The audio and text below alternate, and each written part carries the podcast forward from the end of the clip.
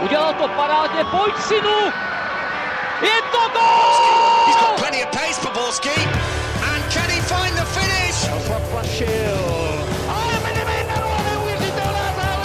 Teď to chtělo přijedat Karlově do běhu. Teď to chtělo o chviličku dřív. Heinz.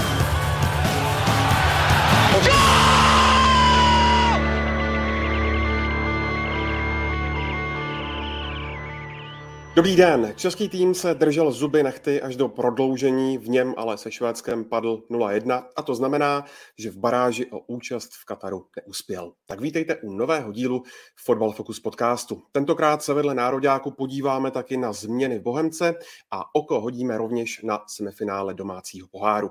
A na to všechno a mnohé další tady je netradiční, ale velmi nadupaná sestava v podobě dvou bývalých ligových fotbalistů. A těmi jsou Jakub Podaný a Petr Nerad. Tak Luci, ahoj.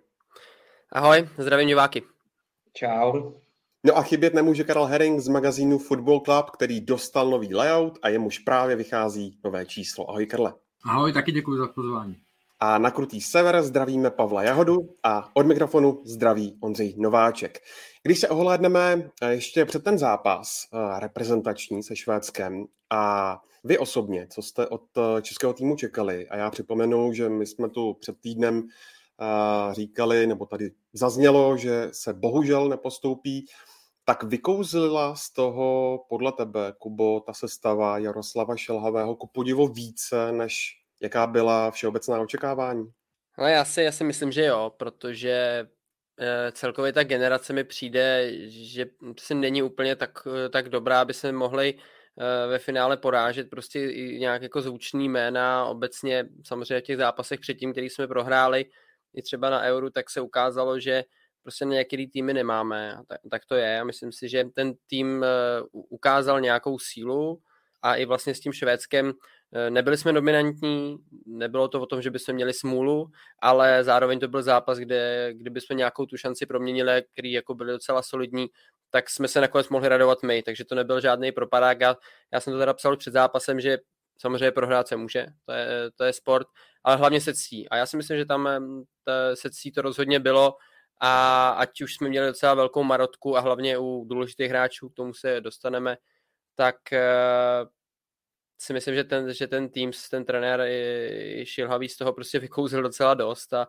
a já bych asi nechtěl být vždycky jenom kritický, že si jako něco nepovede. Mně přijde, že ta kritika tady je pořád a asi když vidíme ty výsledky, který ten uh, tým vlastně v podstatě měl, tak jako není to bída. Prostě vlastně s těma hráčema, který máme, jsou to nejlepší, co my máme, jo, to prostě je ten náš nej, největší výkvět, tak si myslím, že některé zápasy byly slušný, herně to třeba často haprovalo, ale uh, ty výsledky prostě jako nějak špatný nebyly, takže si myslím, že asi za mě ukázali jako možná i víc, než uh, někdo třeba čekal.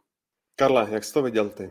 No, já bych, já jsem přemýšlel, jestli něco odpovím, ale já bych hodně opakoval nebo kopíroval to, co řekl, to, co řekl Kuba, protože se mi to líbilo, jak to zhrnul a vnímám to, vnímám to velmi, velmi podobně. Jo? Jako, ano, já jsem byl negativní před týdnem, zároveň jsem si nemyslel, že, bychom, eh, že by národní tým prohrál 0-3 nebo tohle, takže eh, bylo to vyrovnané. To, co eh, já souhlasím s tím, co říkal Kuba, že jako my musíme vždycky vycházet a myslím, že se o tom budeme bavit i v dalším průběhu, když se bude řešit, já nevím, budoucnost trenéra a tak dále, jaký máme, jaké máme vlastně teďka kvalitu toho hráčského kádru. Jo. Pro ten český tým s tím, já neříkám, že ty hráči, kteří jsou v národním týmu, že jsou špatný nebo průměrný a tak dále, ale český tým se dostane do problému ve chvíli, kdy někteří z nich, kdy někteří z nich prostě chybí, jo, protože eh, tam už pak ten výběr eh, je slabší a ten rozdíl tam je velký. No. Takže, a to se zase projevilo v tom Švédsku naplno. Petře, zajímá mě, jak zásadní v tomhle byl ten fakt, že oproti minulosti se hrálo pouze na jeden zápas. A myslíš, že kdyby se náhodou hrálo na ty dva, tak eh, že by to Češi doma zlomili a postoupili by? Tak to je strašně těžký, že jo? Ono zároveň se říká, že eh, když je to na jeden zápas, tak se může stát cokoliv, což vlastně eh, tomu byly přizpůsobený taktiky v obou těch mužstev, jo? Bylo vidět, že Švédové, že Švédové, kdyby se na dva zápasy, tak by třeba, já nevím, o nějaký 70. minuty to trošku víc otevřeli, jo. my bychom se naopak asi víc zase zatáhli, jo. takhle tím, že, tím, že to šlo do nějakého rozhodnutí, tak, tak se vlastně vyčkávalo, vyčkávalo na tu, na tu jednu šanci, kterou buď jeden z týmu promění, anebo se půjde do penalt, což nakonec to taky dopadlo, že ty Švédové si vypracovali prodloužení tu jednu vyloženou šanci a hned ji proměnili. Nemyslím si, nemyslím si že, by, že by to bylo nějak zásadní rozdíl, kdyby se hrál na dva zápasy. Víceméně eh, na dva zápasy by se hrál stejně. Jo? I kdyby jsme, se bavíme, že eh, bychom postoupili přes Švédy, ale tam bychom narazili na velmi silný Poláky, takže ono to neznamená, že bychom, že bychom eh, byli o tolik blíž tomu mistrovství samozřejmě byli, jo, zase by to bylo jenom jeden zápas, takže, takže by se vidělo, ale, ale nejsem si jistý, že by dva zá, kdyby se to hrál na normálně na dva zápasy doma venku, tak že by to měl nějaký zásadní rozdíl.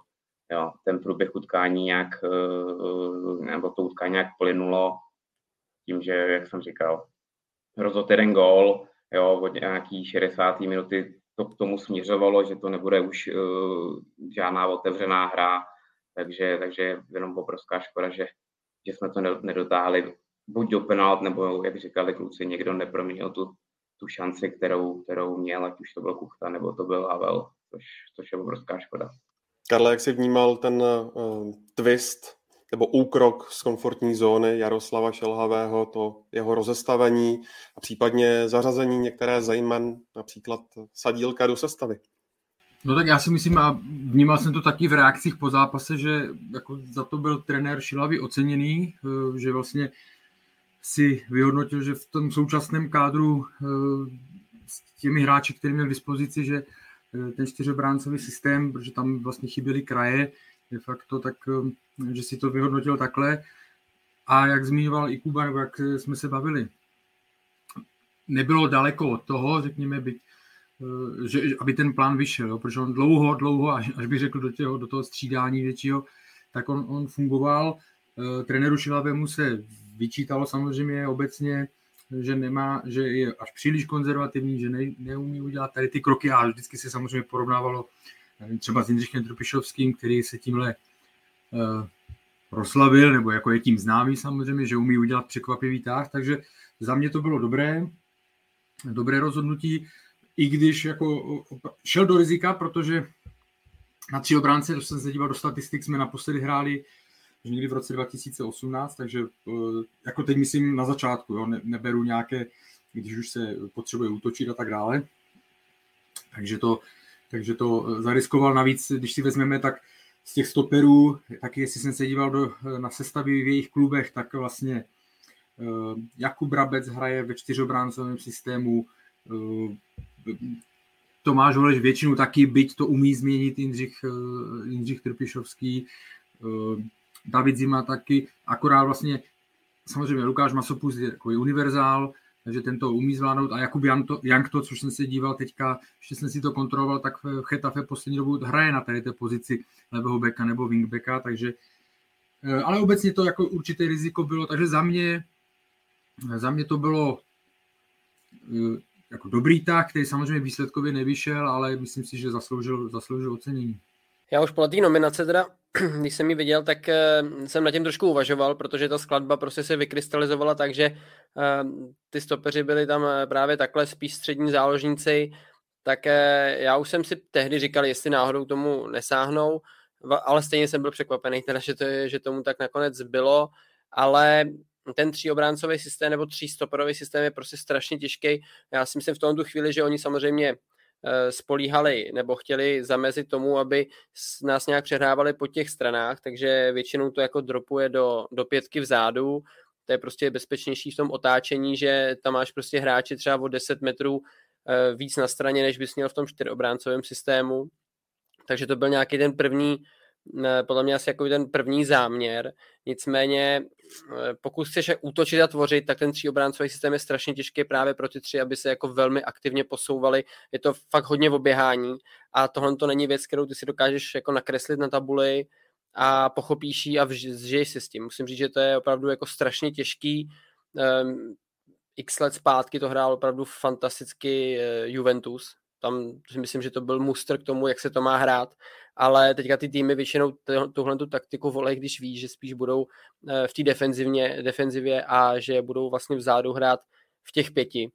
A u nás Janktovi ten zápas na té pozici nepoved. Já ho tam vlastně ani nevidím. Myslím si, že to, že to prostě není úplně pozice pro něj celkově bych ho viděl ještě jako o řadu vejš a tam si myslím, že by byl jako mnohem platnější, což i v té reprezentaci ukazoval eh, předtím, trošku víc volností, přece jenom tady tenhle ten halfback je eh, víc svázaný tou lineou, nemáš jako moc prostoru chodit do prostřed, eh, je to hodně specifická pozice a ten zápas se mu nepovedl, bylo vidět, že na začátku mu to párkrát nevyšlo a potom si nedokázal najít takovou tu ideální pozici v tom, aby měl chvíli čas na to se s tím balonem vlastně otočit nebo dát ten první dotek nahoru a v podstatě měl tam takový ty zajetý automatizmy, což není jenom možná jako kvůli němu, ale i kvůli těm spoluhráčům, kteří v tu chvíli, jak to nehrávali, tak nevěděli, jak dobře se mají postavit a chyběla tam taková ta, taková ta první myšlenka, která ti prostě pomůže překonat toho soupeře jako intuitivně.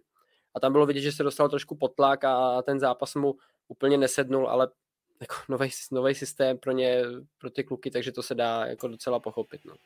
Jenom na to doplním, jestli můžu navázat na Kubu, že vlastně což zvyšuje i, jako řekněme, ocenění pro ten riskantní krok. Ten zápas se hrál ve čtvrtek, jestli se nepletu, a tým se, sešel, tým se sešel v pondělí, tak si vezměme, jak kolik času uh, měli na uh, přípravu nebo na, na pracování na téhle změně. A kluci to samozřejmě musí vědět nejlíp uh, ze své kariéry, jestli je to opravdu Eh, ten den a půl jako v stačí, nebo jestli tam platí, že každý další den navíc eh, je, je, je přínosem, protože znovu to, já už jsem to opakoval několikrát a budu to říkat pořád, protože to je fakt, to, není, to nejsou jako alibi pro trenéry nebo výmluvy. Eh, zna, pamatuju si, nebo dlouhou dobu, vždycky to bylo tak, že jestli se ten tým sešel v pondělí, tak první zápas hrál nejdřív, jako v minulosti, jak to bylo, tak hrál v pátek, v sobotu a ti trenéři měli opravdu tři, čtyři dny, já si to pamatuju pod Karlem Bricknerem, že prostě měli opravdu tři, čtyři dny eh, na přípravu. Zná se to málo, ale třeba kluci sami potvrdí, že opravdu v tuhle chvíli každý takový trénink eh, může pomoct. Tak ono je to hodně individuální v tomhle tom jsou hráči, který můžeš postavit de facto kamkoliv a oni ti za dva dny vyšvihnou výkon eh, k Spartesu, že jo. Ale na Kubovi jak to by bylo hodně vidět, že po tom zranění, co měl delší dobu, že se pomalu do toho dostává. Není tak vytížený v Chetafe, jak by asi sám teď očekával, ale, ale jak říkal Kuba, no, bylo, to, bylo to takový kostrbatý u něj. Uh, volil hodněkrát špatný řešení té situace. Jo. Pak měl, měl třeba zase fázi, kdy, kdy na konci poločasu tam na něj byl fal u Vápna, jo. dostal se tam dobře, ale prostě ten jeho výkon nebyl, nebyl tak, jako asi, jak si představoval, i když dozadu, dozadu si to odehrál, což je takový naše klasický eh, přísloví, že prostě dopředu můží, dozadu musíš, jo, takže on si to tam odehrál relativně úplně v pohodě, ale, ale jak říkali kluci, no, ten výkon určitě nebyl, nebyl ideální, ale paradoxně po vystřídání těch našich dvou wingbacků, a tomu se asi dostaneme dál, prostě eh, ten výkon šel dolů celého týmu. No. Já bych ještě k tomu jenom podotknul, on zase eh, se dostával často do situací, kde vlastně dostával tu přihrávku do té strany od eh, toho levého stopera, což je v podstatě jako ta nejlíp presovatelná přihrávka, která je. No v tomto systému by mělo ideálně jít eh, ta přihrávka skrz a potom se vlastně do, toho, do tohohle halbeka jako vracet. Takže aby on jako už ten balon přebíral v podstatě tím pohybem do, dopředu. Jo, samozřejmě můžeš občas dostat i takhle, když tam máš hodně prostoru na to, abys to od toho eh, stopera dostal a hned si to vzal nahoru a utíkal, když máš prostor, to se taky stát může, ale pokud ten tým je většinou sformovaný a ty dostáváš tomu tu přidávku, tak jsi hrozně jako jednoduše zavíratelný. A pokud oni ti ještě zavřou toho stopera, který ti třeba ne, ne, neodskočí nebo nemůže, tak ty jako v podstatě nemáš kam hrát, z jedné strany jsi blokovaný lineou, nejseš vůbec v rychlosti a mm, zavírá tě zzeru na tebe tlačí prostě hráč. A to ti může prostě vypíchnout uh, takřka vždycky. Takže uh, to je i tou nesehraností toho systému, že prostě ty kluci to nemají mě naučený a tady ta přidávka tam hlavně třeba v ten první poločas na ně chodila často a, a měl to i dost, dost těžký. I hráč, který je takhle technicky velmi dobře vybavený. Petře, ty jsi zmínil to uvadání hry po střídání, tak čemu to přisuzuješ? slabší kvalita na lavice nebo špatně zvolená jména, která šla na trávník? Já si myslím, že zásadní chyba byla v tom, že, eh, že my jsme bránili, jak brání celý mužstvo, tak vlastně eh, zač, jak začínáte od útočníka. A Honza Kuchta do té doby se vydal ze všech sil a on byl ten první spouštěč nějakého toho prvního pressingu nebo toho prvního napadání, v čem jsme my ty Švédy úplně nepouštěli do nějaký ty jejich hry eh, přes ten střed hodně nebo přes ty liney, přes toho Koluševského a Forsberga. A já si myslím, že je to, může to být jenom můj názor, ale, ale myslím si, že vystřídání Kuchty uh, a daní do hry Tomáše Pekharta, jelikož on je, on je hráč do vápna, není, není třeba tolik pracovitý, není prostě tak kvalitní v tom prvním pressingu, tak si myslím, že tam mohl přijít uh, aktivnější hráč právě do, do, do této do fáze hry. Jo. A co se týče halfbacku, ono víceméně na lavici toho tolik víc nebylo. Mo, mo, bavíme se o tom, že mohli nasadit Peška, jo, mo, mohli nasadit Ondru Lingra, když já bych Ondru Lingra prostě na halfbacku neviděl. Jo. Toho bych spíš použil třeba do té pozice toho útočníka místo toho Honzi Kuchty. Jo. Ale je fakt prostě na druhou stranu měli jsme tam to nejlepší, co jsme v tu chvíli měli k dispozici a zlobit se teď na ty kluky, že, že prostě ta kvalita třeba není tak vysoká, jak eh, u těch, u těch eh, předcházejících hráčů, je prostě, mi přijde zbytečný, jo. Eh, naopak, jo, Alešovi Matějovi to tolik ne, nevyšlo, což je fakt, jo, Milan Havel, co si budeme povídat, v 90. mohl rozhodnout a mohl běhat po 100 golmu ještě teď a, a všichni by říkali, jak to bylo fantastický tah trenéra, mohli jsme se tady plácat po ramenou, jo. Je to prostě ta hranice uh, mezi úspěchem a neúspěchem je hrozně tenká, jo. Ale je, je fakt prostě, že příchodem uh, nebo s tímhle tím střídáním ta kvalita šla dolů, nechali jsme se víc, víc zatlačit do defenzívy, jo, už jsme nepodnikali tak rychlý protiútoky, jo, ale, ale říkám, podle mě, podle mě jsme měli zvolit jinýho hráče do útoku, a do těch krajů si myslím, že, že by zase tak velký rozdíl mezi, mezi, mezi někým jiným by nebyl, protože zase na druhou stranu oba dva si to do, do obrany taky odehráli, neudělali nějakou zásadní chybu, naopak hasili tam kolikrát uh, věci, ale my jsme tímhle tím střídáním jsme rezignovali vlastně na, na, uh, na ofenzívu a od té doby jsme si skoro nic až na tu jednu šanci nebo nějaký náznak nevypracovali. No já, já souhlasím eh, s tím, já jako přemýšlel jsem, jestli třeba ta levá strana, eh, když odešel Jakub Jank, to eh, takhle, Aleš Matěj, jestli tam třeba Jan Sikora, který to hraje taky v Plzni, jestli není živější, ale to je asi víceméně 50 na 50. Tam jenom se zase ukázalo, a konkrétně třeba na té obraně, eh, na, té, na tom levém kraji obrany, se vrátím do, jako do minulosti. Někdy, když je hráč, který třeba už asi začíná mít uh, nějaký vrchol za sebou a teď mluvím o Janu Bořilovi a byl uh, i během Eura byl kritizován, že už to není ono a tak dále a tak dále, tak někdy tady to odepisování je, je, je řekněme předčasné, nebo je, pak se to ukáže, protože jak ten hráč, byť už třeba nebyl úplně v topu, tak jak ten hráč potom může chybět, ať už je to právě vzhledem k sehranosti toho, ať už jsou to zkušenosti, protože tam vidíme, že to je jedna z pozic, Eh, kde tam máme velký problém. A Aleš Matějů při vší úctě, jako já už jsem se odnaučil nějak, řekněme, jako kritizovat za každou cenu ty hráče, jako natírat je, ale, ale prostě když jej vidím v reprezentaci, tak eh, on mě tam nepřesvědčuje. Ani to nebylo jenom o tomhle zápase, to je spíš o těch eh, třeba podzimních. Jo. Je tam víc chyb, není tam směr, do směrem dopředu takový, takový drive, jak by to mělo být. Jo. Takže pak už se zase dostaneme k tomu, koho má trenér vlastně na výběr, jo, protože tom, když si projedete kluby, tak eh, vlastně Slávia tam má zahraniční hráče na levém beku, eh, Sparta tam má zahraniční hráče, že eh, Polidar, a teď neříkám, že už by na to měl, ale ten, vlastně, který by teoreticky mohl, tak, tak byl zraněný a tak dále. Ale takže tam ta situace je fakt, je fakt jako slabá, je tam no, Filip Novák, že jo, byl zraněný, pak nehrál a tak dále. Takže někdy, někdy je do budoucna takové malé poučení, že ne vždycky, když už někdo třeba nedosahuje úplně těch top eh, výkonů jako v období předtím, že by, že bychom měli volat po jeho konci, protože nikdy nevíme, eh, co přijde a jakákoliv změna kor v obraně je pak hodně citelná. Kubo, Petře, uh, Viléme, Hinku, Jarmilo, uh, padlo tady jméno Honzi Kuchty a situace 12 minuty. Mm, zajímá mě podle vás, zda to byl či nebyl regulární gól a jestli jste z toho měli taky takový pocit, že se anglický sudí Oliver upískl. Já jsem na, eh, na ten souboj samozřejmě detailně zkoukal. On tam nějak nejdřív zakopl vlastně obrábovu nohu, ten hráč. A potom tam byla trošku chyba, že Brába, on, on šel jako do předklonu a Brába se o něj opřel. Jako dal mu tam ty lokty a, a opřel se o něj, ale to už jako bylo způsobený tím, že on byl, ten kluk byl v takové jako pozici, kdyby nezakopnul, tak si myslím, že jsou uh, rovnoceně u sebe a jako k tomuhle úplně takhle nedojde ale potom už v podstatě ten rozhodčí si myslím, on asi neviděl to, že zakop, ale potom už viděl, jak ten, jak ten Kuba Brabec na něj prostě jako tlačí těma rukama, těma loktama a, a proto to písknul v podstatě. A Brába i řekl, že to, že to foul byl. A myslím si ale, že on taky neví přesně, jak se to úplně vyvinulo, ale taky si uvědomuje, že prostě potom toho, mm, toho hráče jako stlačil dolů, ale chyba tam byla to, že to ten rozhodčí nechal dohrát.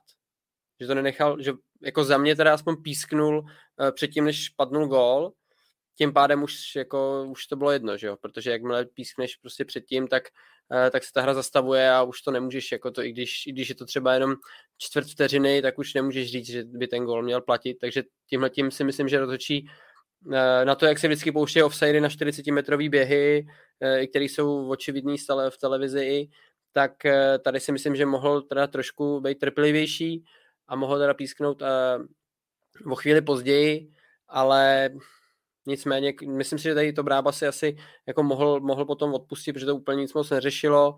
A třeba by ten gol nakonec byl uznaný, jo, ale on je to v tom souboji ve Vápně je to těžký, tam, tam jako víš, že máš prostě vedle sebe hráče, ty ten souboj nějakým způsobem musíš vyhrát.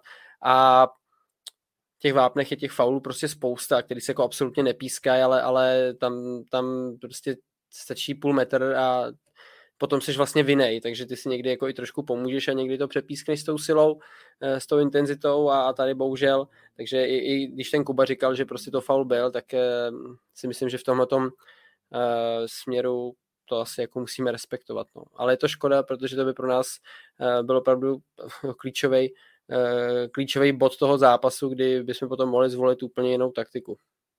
Já si myslím, že přesně jak říká Kuba, že základ problému bylo to, že to písknul.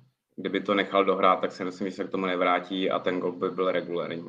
Nevěřím, že by eh, tak jak znám Michaela Olivera a tak jak vím, jak se píská v Premier League, když taky dělají hrozně chyb, tak přesně tyhle, ty, tyhle ty, uh, souboje po standardkách, co jsou ve Vápně, jsou v hodně případech jsou daleko horší než tady ten faul, co nám teď byl písknutý. Takže já si myslím, že on v tu chvíli, jakmile se upísk, tak pak u toho videa vlastně jako nevím, nevím proč, by, proč by tam hledal, nebo jak by si obhájil to, že by to nakonec uznal. Jo?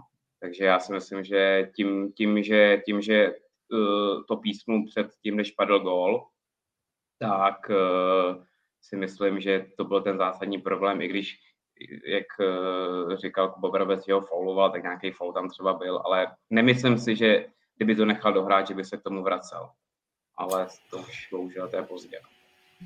Je to přesně ta situace, kdy eh, když, tak jak jsme to viděli, on to odpískal, video to potvrdilo, že tam nebyla eh, clear and obvious error, jo, takže to prostě nechal ten svůj verdikt. Kdyby on to nepískl, oni by, ho, oni by mu řekli, počkej, my to jenom zkontrolujeme, protože máme pocit, že tam byl, byl faul, tak by to podle mě nechali jako uznaný, protože zase nebyl to, jako, byli tam polofauly, nebo jak to říct, jo, ale nebyl to prostě očividný error, takže by to nechali být, tak to je bohužel ta situace, která se uh, jako nepřiklonila na naši stranu. Zároveň ale musím říct, uh, oba kluci, nebo Kuba to hlavně zmiňoval, Eh, pro mě ta debata skončila jako ve chvíli, kdy Jakub Brabec přiznal, že, eh, že ho fauloval. Jo. Ale líbilo se mi o poločase vlastně eh, ve studiu České televizi, když to tam rozebírali a vzali si do lupy, tam hodili vlastně pozici Michaela Olivera, který opravdu na to reagoval velmi spožděně. A říkám si, jestli jsme v tu chvíli neměli neměli trošku i, i smů. To znamená, že to vůbec o tom nebyl přesvědčený, že o tom zákroku a až pak vlastně viděl, jako nebo nevím, jestli viděl, ale reagoval podle toho, jak se to třeba dál vyvíjelo, tak to písknul, že to byl faul na Lindelofa? Hmm. Že jo. jo. Já si myslím, no, že jo.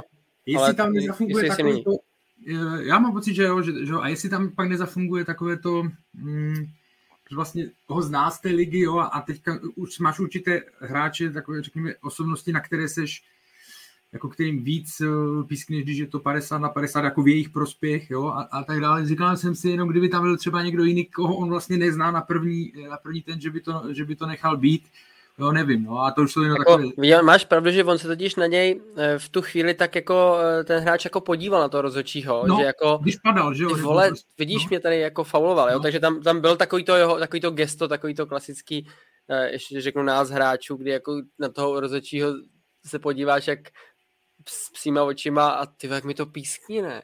Hmm. Takže je možný, že eh, jestli mají spolu nějaký vztah, tak jako hele, sorry, všechno je to v, nějakých vztazích a i ten rozhodčí prostě, eh, nechci říct úplně, že má sympatii, ale právě takový to, že se s tím hráčem znají a jsou s ním víc kontaktu, jo. tak eh, tomu mohlo právě pomoct. No. No, takovým eh, leitmotivem toho repres srazu tak byly absence, jak v obraně, tak samozřejmě Patrik Šik. Zajímá mě, zda právě útočník Leve Kuzenu byl tím faktorem X, který nám scházel nejvíce. Karla. Ale ono je strašně jednoduchý říct, že jo, eh, ale ono, já si prostě myslím, že to tak je, jo. Eh, protože já jsem třeba eh, nedá, minulý týden jsem o tom debatoval s Pavlem Martmanem, vlastně s redaktorem sportu, který, který já si velmi, velmi vážím a jako velmi respektuju. A on řekl, jako nepřeceňujme Patrika Šika ke všemu, co, jako, jakou má formu, nebo sezony, kolik dá gólu, nepřeceňujeme jeho roli, že Jan Kuchta má svoje přednosti, že je extrémně pracovitý, jo, umí napadat a třeba pro ten styl náš, který jsme chtěli hrát, tak se bude hodit víc a tak dále. To v podstatě ten Jan Kuchta to potvrdil, co se týká té své pracovitosti. Na druhou stranu, tam byly prostě dvě situace. A teď já neříkám, že Patrik Šik by se objevil úplně v totožných situacích. Ale byly tam dvě situace, Jedna je, já jenom připomenu, jedna je, když si to krásně zaseknul, ale pak přihrával, myslím Adamu Hloškovi, že jo, a jednou pak střílel před vápnem, to, eh, chtěl to zatočit, ale letělo to vedle. A prostě já jsem třeba přesvědčený, že v podobné situaci, v podobné situaci, kdyby byl Patrik Šik, jako byla ta první, tak by zakončoval, tak by si potom zaseknutí prostě jako sniper, choval by se víc jako sniper, jo. A když hrajete, na začátku jsme se bavili, jestli je rozdíl v pojetí v taktice, když je to na jeden zápas nebo na dva. Tak právě, že tom zápase na jeden, tam fakt jako musíte ze dvou šancí, ze dvou šancí jednu dát, protože tam tady ty zápasy se rozhodují zase kliše, ale rozhoduje to jeden, jeden dva góly. Jo. Takže z mého pohledu prostě chyběl. Je to hráč, který, teď vynechám Bundesligu a jeho 20 gólů, že jo, nebo kolik, ale který vlastně dal 7 gólů v deseti zápasech, kterých nastoupil za repre, tak dal sedm gólů. Jo? Z celkových třinácti. V té, v té, tak to je jasný, ty čísla jsou jasné. Takže za, z mého pohledu uh, a vůbec tím neříkám, že Jan Kuchta by propadl nebo tohle, ale z mého pohledu prostě, když máte takový zápas, kde fakt nedostanete moc šancí, kde potom musíte, uh, musíte zúročit to, co se vám naskytne, těch jeden, jeden, dva, tři momenty, tak uh, prostě chybělo.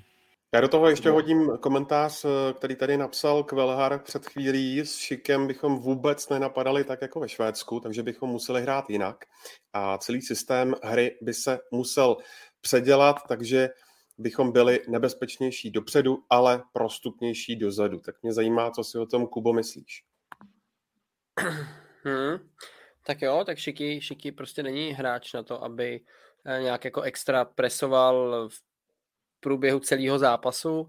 Myslím si, že mm, on je hráč, který má takový kvality, že, že může být právě prospěšnější úplně jinak a mm, takovýhle hráč prostě bude vždycky chybět. Jako sorry, to, je to momentálně jeden z, jeden z nejlepších útočníků uh, v Evropě.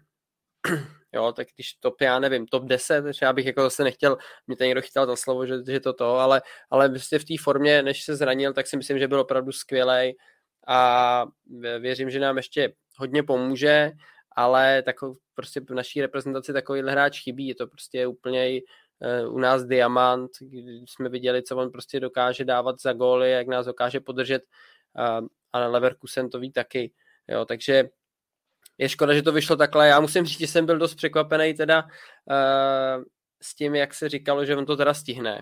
Jo, to, to musím říct, že uh, jsem teda valil oči, protože svalových zranění to bylo na to čtyři týdny a ještě když se řeklo, že Leverkusen opustí jen tehdy, pokud bude hrát, uh, aspoň jeden zápas za ně, tak to za mě to vůbec jako, mě to, mě to teda, já jsem jako pár těch svalových zranění měl a tam mi ta matika vůbec nevycházela a taky jsem se o mě bylo dobře staráno tehdy a chodil jsem na různý lasery a, a vše, všechno možný, ale uh, já tam viděl hlavně ten risk toho, že on by třeba fakt jako byl schopný se natrénovat, ale tam to jsou takový ty kontrolované pohyby, ale v tom zápase se potom dostaneš do těch už jako pohybů, které jsou na 100%, kdy prostě tu nohu natáhneš, někdo do tebe strčí a tam právě dochází k tomu největšímu trablu v tom svalu, že se ti může znovu natrhnout. A pokud on by třeba to místo měl potom víckrát zjizvený, tak eh, to může být chronický. A jako takovýhle risk se nevyplatil prostě jemu, nám jako fotbalu, Leverkusenu, nikomu. Jo. Takže uh, já jsem to, bych to teda bral jako v obrovský zázrak, kdyby byl a od začátku mi to přišlo, že, že je to spíš fantasmagorie, že je to takový jako naše, náš všech jako zbožný přání, protože tu kvalitu on prostě má a jako neviděl, neviděl jsem tam tuhle tu možnost ale zase bych řekl, že Kuchta samozřejmě typologicky úplně jiný hráč, ale mě se teda líbí. Musím říct, že je na tom hřišti strašně cítit stejně jako byl ve Slávi, eh, tak i teď ukázal, že eh, strašně vyzral. Jo, jako nedávno ho vyhazovali tady z klubu, který teďka třeba hrajou tady v České lize o záchranu a, a zbalili mu težku a řekli jít zpátky do Prahy. My ti tady nechceme a teď se podívejte, kde ten kluk je a je pro ten tým opravdu platný. A škoda té obalovačky tím Bčkem, no, jako vzal si velký sousto, tam, tam eh, třeba kdyby zrovna byl šiky, tak si myslím, že to uh, třeba zvládnul trefit, ale Kuchtovi to úplně bohužel nevyšlo, i když tu pozici mezi těmi dvěma hráči asi vytvořil skvělou a potom bohužel za vápnem to, to prostě trefil Bčkem, no, tak to Bčko tom nemáš takový citr, nebo aspoň já jsem neměl, uh, takže je to škoda, ale Šiky, Šiky prostě bude, si myslím, nebo hráč takových kvalit bude chybět uh, nějakým způsobem každému týmu. Ještě jedno jméno samostatnou kapitolou je Tomáš Holeš, důležitý stavební prvek jak Slávě, tak i reprezentace. A zajímá mě, Petře, zda si myslíš, že Slávě ještě není jeho poslední mm, velkou štací? Přál bych mu to, aby nebylo, protože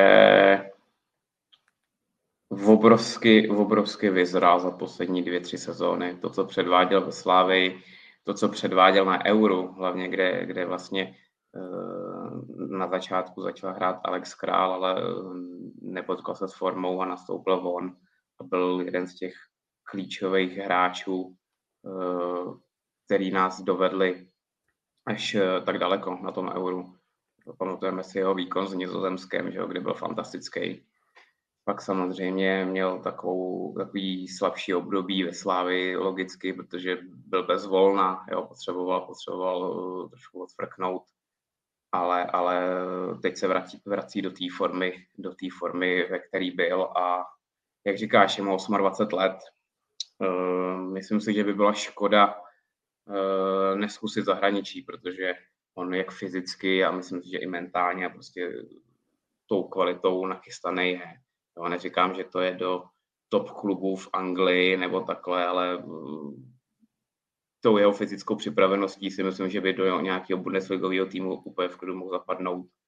A myslím si, že myslím si, že eh, v létě, v létě na něj budou zajímavé nabídky, eh, že Slávě je sledovaný klub a pokud se dokážou dostat ještě v konferenční lize dál, jo, což, což samozřejmě kvalitu na to mají, tak si myslím, že přestup do nějaký výhlasnější ligy už, už by měl přijít, jo, pak že už táhne mu na 30, takže on už pak taky není jednoduchý, není jednoduchý, uh, víme, víme jaký, jaký uh, kluby teď hledají hráče, jo, většinou je to prostě do nějakých 25 let, ale, ale on, on je prověřený, připravený, já věřím, že já věřím, že eh, ten velký přestup ze Slávě, pokud, pokud ho uvolní za nějaký krásný peníze, tak by měl přijít, protože si to zaslouží a, a ukazuje, že, že i na evropském poli může, může mít klíčovou roli v jakýmkoliv týmu.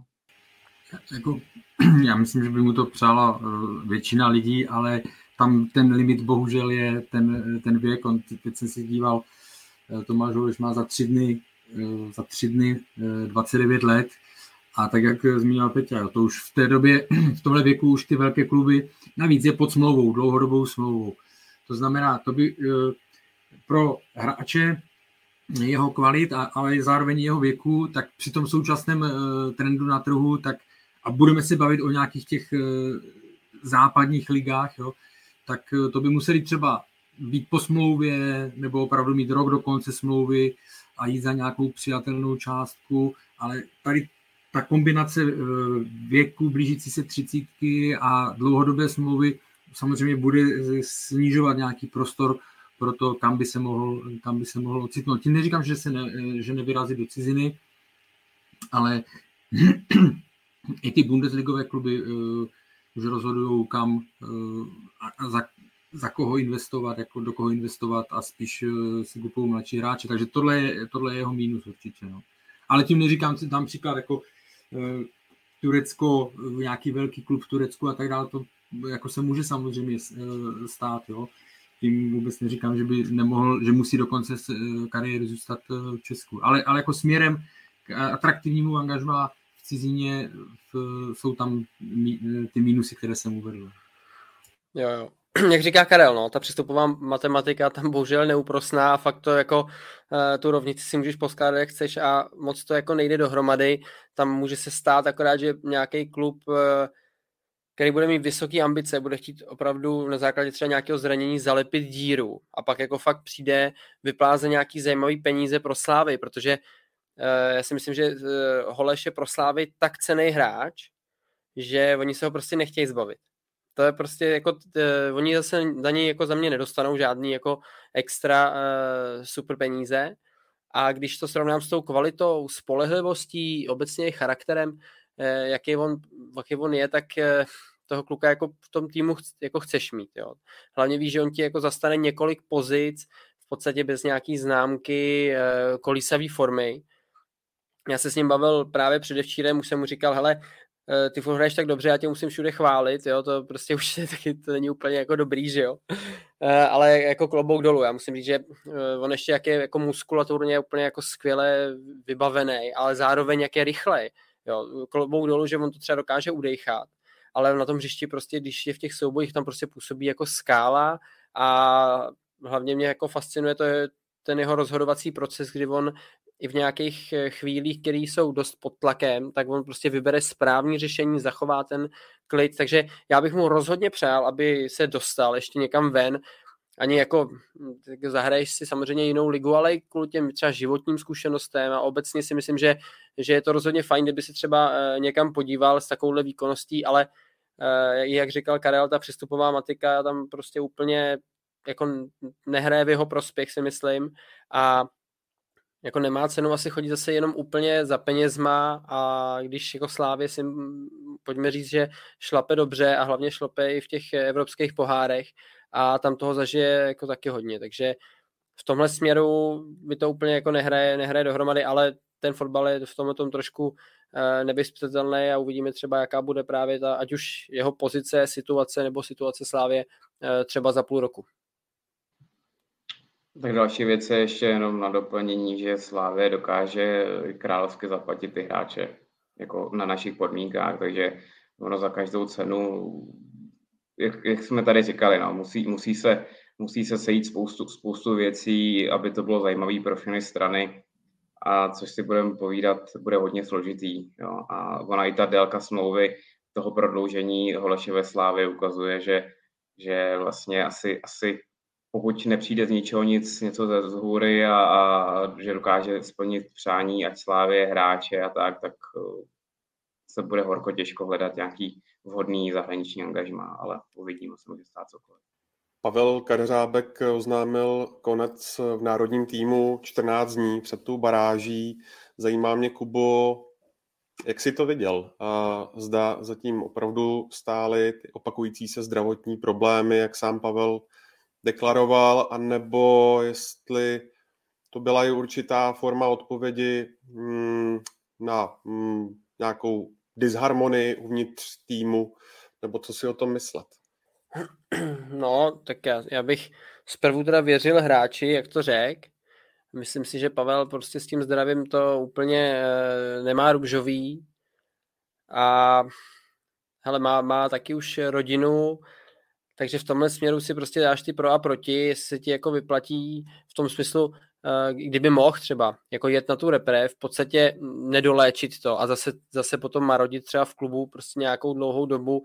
Eh, v tomhle tom bych opravdu věřil, věřil hráči a myslím si, že eh, rozhodně by nám pomohl, kdyby byl ready, tak je to prostě opravdu hodně kvalitní hráč, ale pro něj smůla, že v podstatě jako je, byl v té repre v téhle době, kdy tam prostě hrál Vláďa Coufal prostě na výborný úrovni, ten jako chytil těch posledních pár let jako úžasnou formu a, a asi kdyby byl základní stavební kámen té repre, ten Pavel, tak si myslím, že třeba by se nějaký věci dali kousnout víc, ale ty prostě skáčeš tady z jednoho tréninkového procesu do druhého a víš, že jako něco furt eh, tlačíš před sebou, jo? že prostě e, nějakou tu regeneraci, kterou bys potřeboval, tak nějakým způsobem omezuješ a i nějaká ta psychická pohoda tam samozřejmě hraje velkou roli. Jo? A když, když víš, že někam jako jezdíš třeba jenom na vejlety, do toho prostě z toho nejseš úplně na tom dobře fyzicky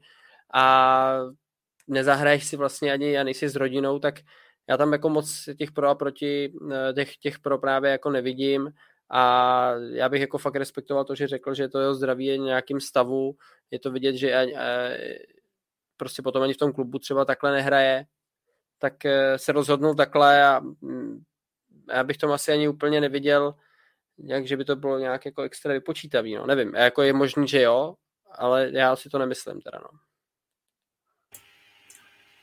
E, já jsem se snažil nějaké věci jako k tomu, jak to tam fungovalo vztahově, úplně jako naprosto souhlasím s tím, my nevidíme do toho, eh, musíme brát potaz skutečně rodina, nevidíme do jeho zdravotního stavu a tak dále. Jo?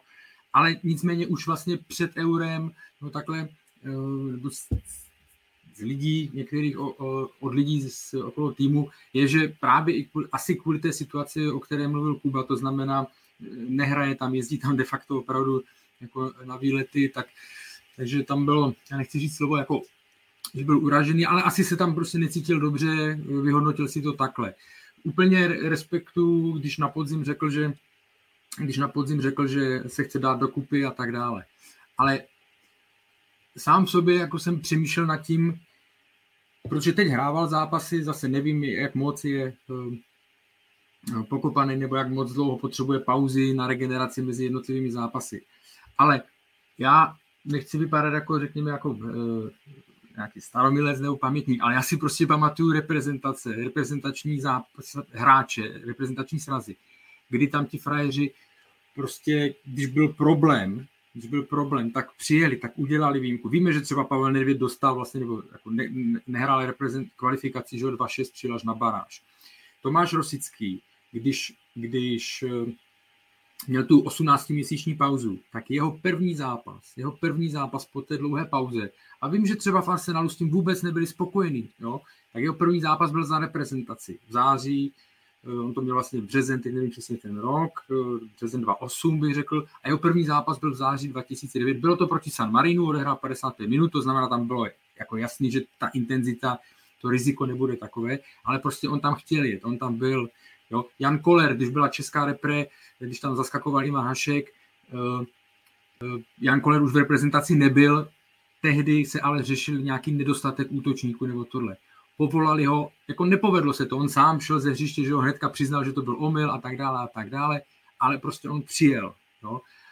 A jako znovu říkám, je složité někomu sahat do, do svědomí nebo tohle. Ale ve chvíli, kdy vidím, že prostě ta situace je e, taková, tak e, jako popřemýšlel o tom, jestli neudělat výjimku a tak dále. Jo, to beru to prostě obecně, jenom si vzpomínám na to, jak eh, prostě tady ty hráči v minulosti, a teď já neříkám, že ty současní to neumí, on by to uměli některý ze současných, jo, to neříkám, že teď už to není a tak dále, ale pamatuju si ty případy, kdy prostě nehleděli na okolí a, a prostě rozhodli se tak, že přijedou pomoc. Jo. A uvidí se samozřejmě, nevíme, jaká bude budoucnost Jaroslava Šilhavého, jestli se pak třeba vrátí do reprezentace eh, Pavel Kadeřávek, Pavel Kadeřávek nebo ne, to se uvidí, pokud byla, by byla změna v realizačním týmu. Ale znovu říkám, trošku mě to se vším respektem, jako protože je to jeho tělo, jeho život, jeho rodina, jeho kariéra, tak pořád jsem si říkal, že v takové situaci si myslím, že by to i lidi hodně ocenili, kdyby ten člověk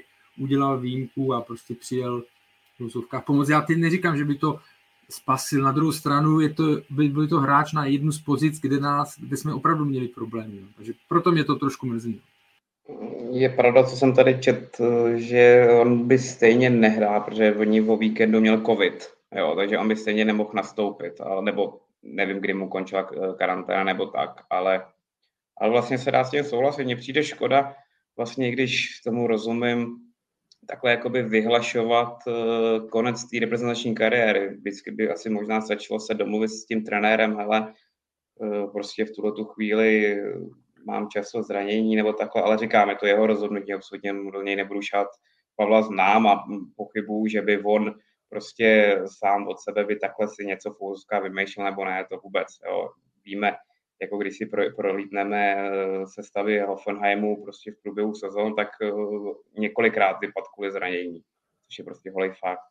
Ale přijde mi, že je opravdu takhle, obrovská škoda, protože je to kvalitní hráč, který se drží v Bundeslize několik let a vždycky v reprezentaci patřil těm stavebním kamenům, až, až eh, v této poslední době ne.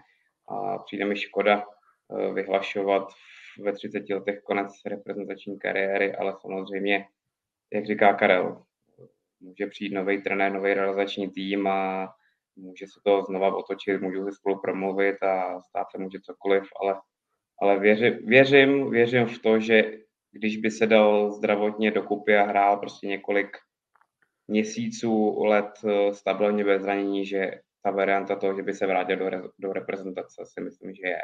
A byla by škoda, kdyby ne. Já tomu nevěřím, teda, jo. Já si myslím, že se už do reprezentace nevrátí, teda.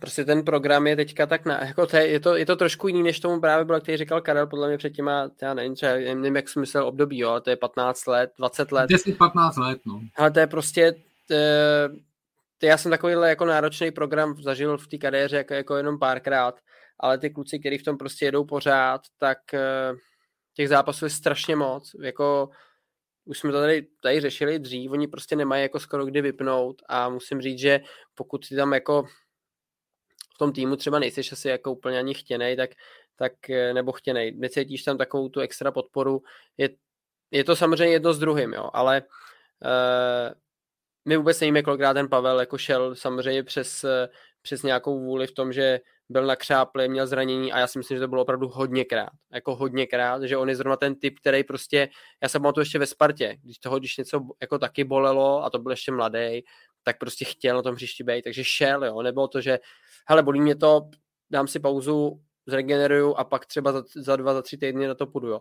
Takže v tomhle směru si myslím, že mm, je to hrozně těžký, protože ty vlastně jako, a myslím si, že pořád se to v něm jako hlodá, protože on by asi jako mohl třeba přijet. Jo? On by mohl jít hrát. Ale to už se ti, když to uděláš třeba třikrát, čtyřikrát a víš, že jsi se potom dvakrát na nějakou dobu zranil. A teďka ono potom třeba i větším zranění uh, se furt vracet jak jako na palici, jo. To být někde sám, že jo, ty tam na tom, na tom stadionu trávíš, když tam přijdeš tam v 9 a odcházíš ve 4, protože ty máš, musíš mít nějaký trénink, uh, bez, většinou bez týmu, potom do toho máš odpoledne ještě jako rehabilitace, regeneraci a ono, najednou tam jsi jako 6-7 hodin denně a neděláš to, co tě jako extra baví, že jo, neděláš ten fotbal a teď si řekneš, hele, tak já zase teďka mám možnost tady 10 dní regenerovat, 14 dní prostě udělat ten režim tak, abych prostě uh, se dostal víc do kondice a nebo poletím tamhle na repre, tamhle tohle, nebudu hrát třeba a zase se zase přijedu tady, oni už tady na mě v klubu na mě koukají skrz prsty, že jo, protože mě tady samozřejmě platěj a já zase přijedu a za týden se zraním. Je to hrozně dvojsečný a myslím si, že to nebylo tak, že on si teďka jako rozhod, ale už to je prostě nějaký vývoj prostě třeba x, i x let kdy on už prostě musí říct, hele a dost, já prostě chci ten fotbal na té vrcholové úrovni hrát ještě třeba čtyři roky, pět let a musím prostě si už někde odfrknout. Prostě bohužel to moje tělo nějakým způsobem takhle, takhle funguje a to, jestli v tom byly nějaký nabjatý vztahy, no tak jestli jo, tak to rozhodně samozřejmě tomu jako nepomohlo. Jo. To kdyby ti tam na tebe koukali jak na spasitele a viděl si, že, že si voláte dvakrát týdně a že jste jako best friends, eh, ať už s trenérem nebo s kýmkoliv, tak eh, to rozhodování je taky jiný. To si jako, to si jako pojďme říct, ale, ale ty kluci prostě bohužel často teďka chodí hodně přes vůli a, a někdy prostě musí říct dost, nebo, nebo budeš třeba končit brzo. No. Já znovu zopakuju pro jistotu, aby mě nikdo nebral uh, jako to rozhodnutí je čistě na něm a těch faktorů opravdu, jak jsme říkali, zdravotní stav, rodina a tak dále, on na to má právo se takhle rozhodnout. Jo? Já jenom, mě to prostě mrzí v tom, že znovu říkám, já vím, že Tomáš Rosický měl úplně stejný problémy v Arsenalu. On se vracel, on se tam vrátil vždycky, nebo přijel e, nakopnutý zraněný, ale on stejně jako přijel i potom. Jo? Já jsem to bral, a dobrý, pak teda do toho hodil stejně vidle covid, bral jsem to jenom čistě to načasování, kdy to oznámil ten konec a pr- jestli prostě nešlo jako za, popřemýšlet prostě vypomoc tady v tom, jo. Ale já si, ale v tu chvíli podle mě do toho i pak mohly vstoupit nějaké ty, nějaké ty vztahy asi, řekněme, chladnější. Já neříkám, že se tam nenávidí nebo tohle. Kluci to přesně zhrnuli ty, ty, ty momenty nebo ty, ty faktory.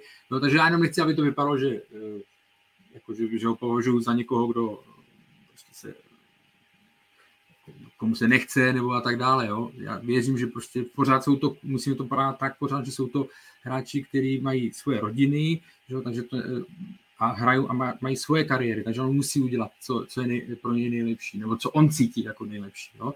Ale někdy možná, prostě říkám, tady to, tím, že mám to porovnání, tak eh, se tak trošku někdy v tom, někdy v tom jako eh, rád rochňám, ale Eh, ještě jsem měl jednu věc a tu jsem teďka už, ta už mi vypadla, takže asi můžeme, můžeme se posunout dál. Nebo si na ní vzpomenu. Jo, třeba ti to naběhne. Za 22 Zajím... minut.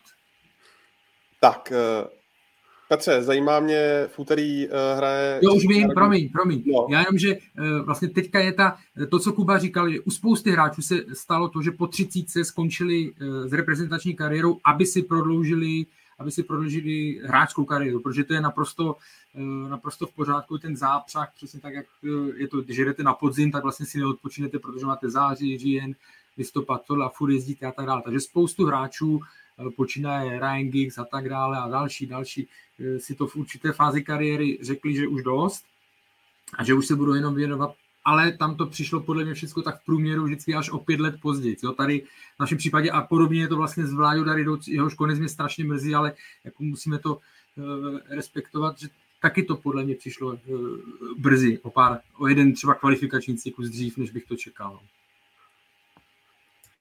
Takže Vladimír Darida, ten končil, bylo mu tuším 30, takže ten taky jako mohl úplně v klidu pokračovat. Uh, Petře, k té mojí otázce a ohledně přípravy s Velsem mm, při všech těch absencích a s tím vědomím, že uh, další zápasy čekají národní tým až v červnu v rámci Ligy národů, tak uh, má to vůbec nějaký smysl? No, pokud se nepletu, tak je to nějaký nařízení UEFA hrát tady ty přáteláky, nebo prostě mít v těle těch oknech víc zápasů, nebo teď hrát, ale uh, smysl, no tak každý zápas má naopak smysl, jako proč ne, můžou si vyzkoušet další věci, když samozřejmě nevíme, jestli Jaroslav Šlavý bude pokračovat, nebude pokračovat, jo, takže jako já si nemyslím, že by jakýkoliv zápas byla nějaká ztráta času nebo ne. Chápu, chápu, že pro ty uh, hodně vytížený hráče typu Tomáše Součka a, a a prostě hráče, který nastupují do všech zápasů, tak uh, tyhle ty hráče vidět nemusíme. Já věřím, že Jaroslav Žilhavý uh, tu sestavu protočí úplně maximálně, co to půjde, dá do brány vlastně de facto kohokoliv, kohokoliv do sestavy, kdo nemá toho tolik třeba odehráno. Takže nemyslím si, že to je úplně zbytečný, ale, ale, zároveň, ale zároveň si zase nemyslím, že to je úplně nutná ta příprava. Je to prostě, je to ale reprezentační zápas, který, který prostě, ať jde o jakýkoliv, tak by měl být prestižní, aby to, aby to být zajímavý a je to prostor pro vyzkoušení kluků, který třeba nemají tolik odehráno a, a konfrontace s Walesem není nikdy špatná, když jsme s nimi teď hráli v Lize národů nebo v, v té kvalifikaci. Takže no, není to nic proti ničemu, ale, ale, ale nedělal bych z toho žádný velký drámo z toho zápasu. No a tím se pomalu, ale jistě přesouváme k další, mm, řekněme, ožahavé otázce, která se asi ještě bude dlouho táhnout jako niť minimálně do konce dubna, kdy mají probíhat diskuze na téma mm, ukončení spolupráce nebo naopak pokračování spolupráce s trenérem Šilhavým a jeho realizačním týmem. A mě zajímá, zda k takovému konci má či nemá dojít. Kubo. Já si myslím, že z mýho pohledu teda asi nemá, protože já nevidím bohužel moc jako jiných variant teda, protože samozřejmě, když děláme změnu, tak asi eh, nebo bychom dělali změnu, tak bychom asi měli mít nějaké řešení, který už bude trošku koncepční a ne jako, že do toho řízneme a pak se budeme jako divit a říkat si, tak koho tam. Uh, já jsem nějaký jména četl, v nějakém ideálu, samozřejmě do budoucna by asi k reprezentaci měl někdy přijít Jindřich Trpišovský, protože Sláví samozřejmě má obrovský uh, úspěchy, ale momentálně je to samozřejmě věc nereálná. Za prvý on z té klubové scény pochybu, že by chtěl odcházet, za druhý ho nikdy uh, reprezentace nedokáže zaplatit tak, jak uh, je placený ve Slávy, ale myslím si, že do budoucna on asi nějaký ten zájem mít bude, protože si samozřejmě bude chtít vyzkoušet trénování mimo tu klubovou úroveň, právě tu národní, co si myslím, že takovýhle ambice si troufnu tvrdit, když to jako nevím jistě uh, mít bude, ale asi na to má ještě čas. A já jako já, já moc nevím, co tomu šilhavýmu uh, trenérovi šilhavýmu bych jako vytknul v tom směru, že já vím, že se říká, že málo zkouší a že, že je taková konzerva a takhle. Uh, Bavili jsme se i tady, ten trenér, když ty kluci přijdou na ten sraz, nemá tolik prostoru něco zkoušet. Jo? Ta, tam samozřejmě eh, některé ty nominace byly trošku takový kde jsme si možná řekli, hele, mohl tam být i někdo jiný. Um, tady tohle hráče brát nemusel, protože teďka tolik nehraje, i když v té reprezentaci už má jako těch zářezů dost. Uh, ale trenér prostě sází na to, že ty kluci s nějakým způsobem jsou spolu zřitý, už ví, do čeho jdou a to experimentování, nevím, já ho prostě respektuju ty jeho rozhodnutí, ne, neříkám, že vždycky se vším souhlasím, ale prostě ten hráčský kádr, který má, tak si myslím, že tady jako ukázal zajímavé věci a já v podstatě fakt jako nevidím důvod, proč ho nějak jako odvolávat nebo spíš neprodloužit s ním tu spolupráci. Uh, jako, že by to bylo nějaký jako fatální selhání. Říkám, občas jsem si taky jako u té sestavy třeba řekl, že možná bych tam postavil ně, někoho jiného, ale uh, někdy je asi dobrý zase jako fakt držet nějakou tu línii a aby ty hráči věděli, do čeho jdou. A když jako nemáš extra výběr, tak eh, se spíš jako držíš toho, eh, že ty kluci už fakt jsou na sebe zvyklí, takže já v tomhle směru eh, bych asi tu spolupráci s ním prodlužoval i z toho důvodu, že jako nevidím nějak extra, extra jako nějakou variantu, kde bych řekl, jo, to je trefa do černého, to bude fungovat. Jestli můžu být, a předběhnout Peťu. Já to, jako kdyby se měl říct ano, ne, prodloužit, tak řeknu ano. A nebudu už rozvádět Kubovi uh, důvody, se kterými mě souhlasím, přidám tam ještě jeden. A to je jako to, a možná zásadní, nebo jeden z těch nejzásadnějších. Když si vyhodnotíme, jakým způsobem je to mezi trenérem a hráči, jako co se týká fungování a tam já nevidím žádný uh, problém. Samozřejmě může tam být někdo, jak jsme se bavili, komu se třeba ta role nelíbí, ale jinak podle mě je vidět, že ten tým, že tam jako mezi hráčem a trenérem problém absolutně není, že ty, trenér, že ty hráči ho uh, poslouchají, umí, doká, dokážou převést uh, to, co on jim řekne na hřiště, že to někdy nevíde výsledkově, to je jasný, ale to je podle mě to zásadní. Jako viděli jsme na konci angažmá Karla Jarolíma, ale i vlastně Pavla Vrby potom, tak jsme viděli, to, to prostě poznáte, jednak se k vám dostanou ty informace a jinak to prostě poznáte i e, na tiskových konferencích, rozhovory a tak dále, že tam už ten nesoulad e, byl jasný, ale tady ten pocit nemám rozhodně. Jo. Druhá věc je, jakože pokud se bude o něm rozhodovat, tak e, si musí říct, proč na jaře, kdy to šlo po Belgii, jsme byli všichni nadšení, pak přišlo euro, jasně s nějakými pár, jako řekněme, no, nedostatky, ale pořád to bylo po, uh, prostě vstup ze skupiny a postup přes Nizozemsko, no, takže, takže tam jako úspěch. A ten podzim, jsme se o tom bavili několikrát, jo.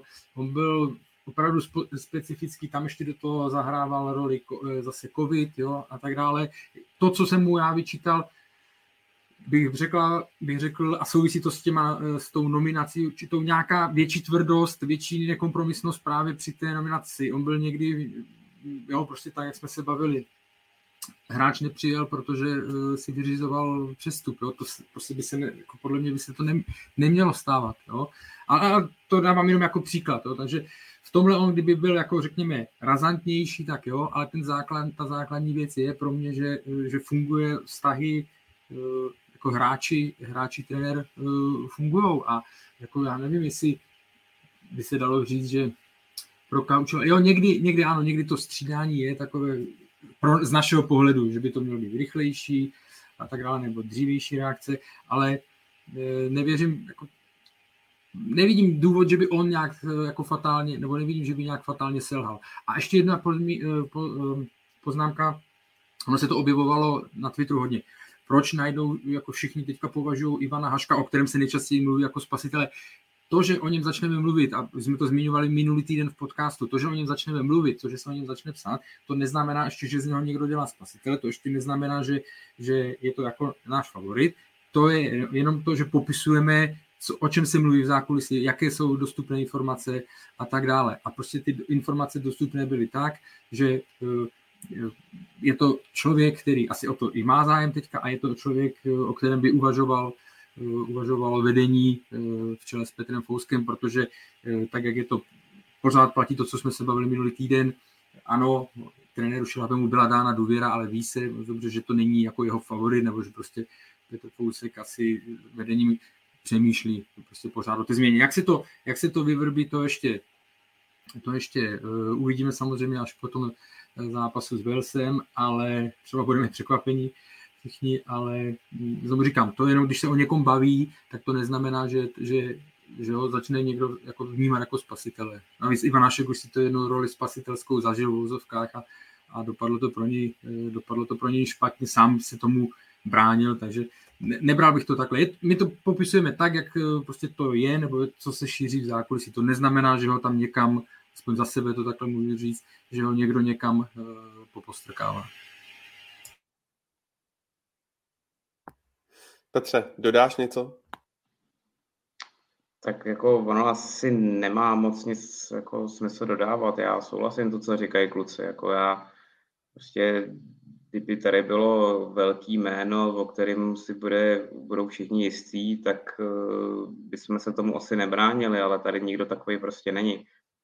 Ano, můžeme se bavit o Jindrovi Trpešovskému, ale jak to říkal Kuba, jako ten prostor, ten prostor eh, tady pro něj v budoucnu bude, nebo věřím v to, že on sám bude chtít, jo, ale v tuhle tu chvíli jde hlavně o to, že on sám ne, nechce a, a pochybuju, že by ho Slávě pustila v tuhle tu chvíli. A jinýho trenéra v, v našich podmínkách já nevidím. Jo pochybuju, že by jsme se odhodlali kroku, co se stalo v hokeji, že se angažoval zahraniční trenér. Nemyslím si, že by tohle někdy ve fotbale u nás nastalo. Jo, a jestli jo, tak budu hodně překvapený. A vlastně já už bych se opakoval jenom to, co říkali kluci, jako ať, ať eh, si o koučování nebo o výběru hráčů eh, můžeme myslet cokoliv. Jo, vždycky eh, vždycky budou jména, u kterých si budeme říkat, že tam měl být nebo neměl být. Jo. Tak to, to je to, ať to kdyby trénoval Zidane tady, tak si taky stejně budeme říkat. Jo. Ale prostě eh, za Jaroslavem Šelavým jde jedna věc a to, že prostě udělal ty úspěchy. Ať se tam k ním dopracoval jakýmkoliv způsobem, postoupil v Lize národů do nejvyšší soutěže. Budeme tady mít prostě top zápasy, jo, top, top reprezentace evropský, což, což je skvělý. Jo.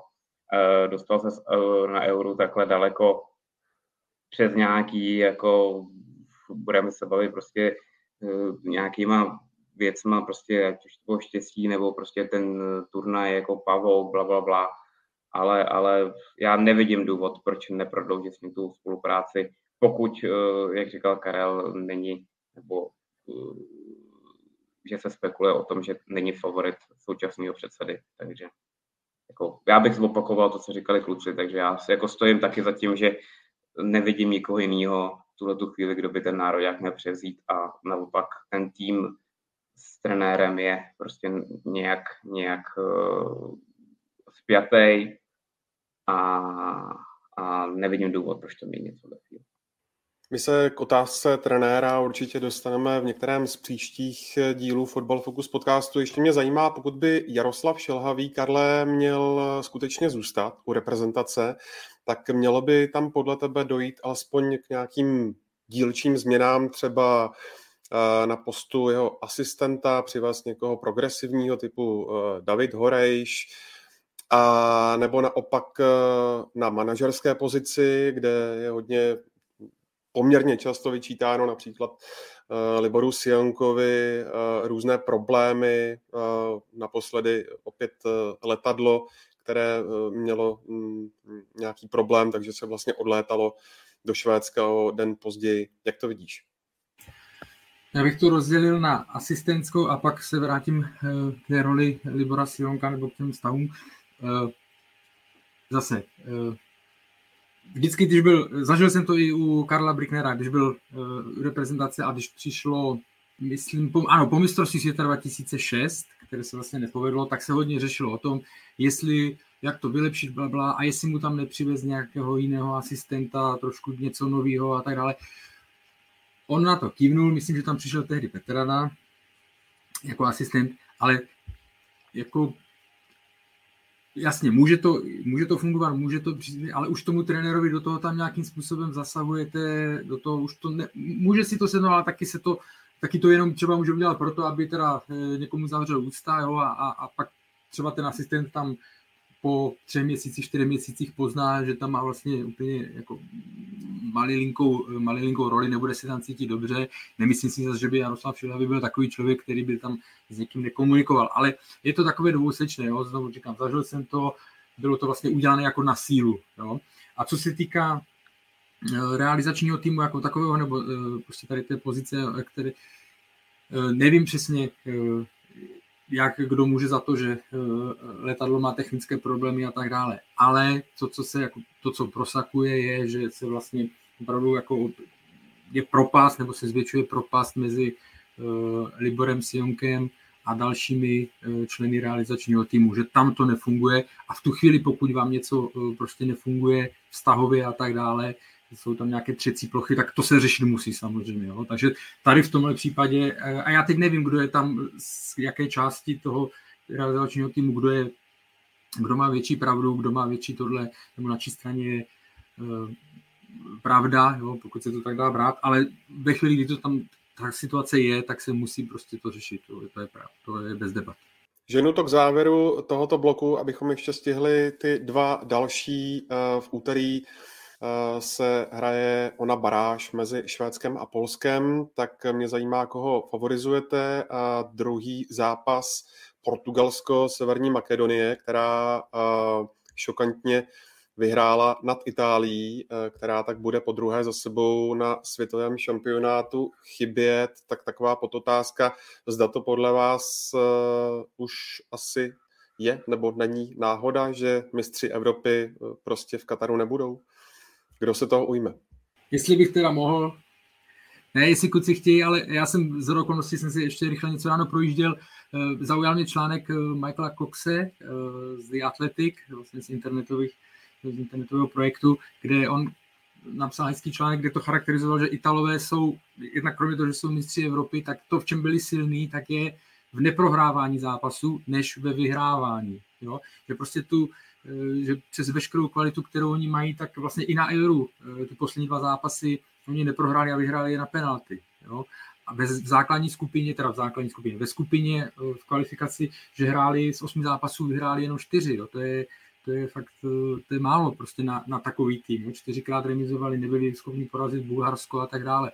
Takže nejvíce tam mluvilo o tom, že prostě tam mají problémy v té poslední třetině hřiště, byť tam mají skvělé hráče, ale tak prostě nevím, jestli nechci říct, že to už není náhoda, ale spíš to jenom ukazuje, že ty jejich kvality pořád zůstávají v tom nedostat, nedostat gol nebo umět perfektně zvládnout tou defenzivu a že jestli někde mají rezervy, navzdory té kvalitě enormní, kterou tam mají, tak je to prostě proměňování šancí. A bylo to vidět v tom zápase, ty statistiky, tam bylo myslím 16 0 na rohy, nebo prostě 20 ku, stře, 20 ku 3 střely, takže eh, asi to, tohle je určitě tady ta eh, neschopnost ty zápasy eh, vyhrát je stála postup. Ať už vítězství ve skupině a přímý postup, nebo tady tohle.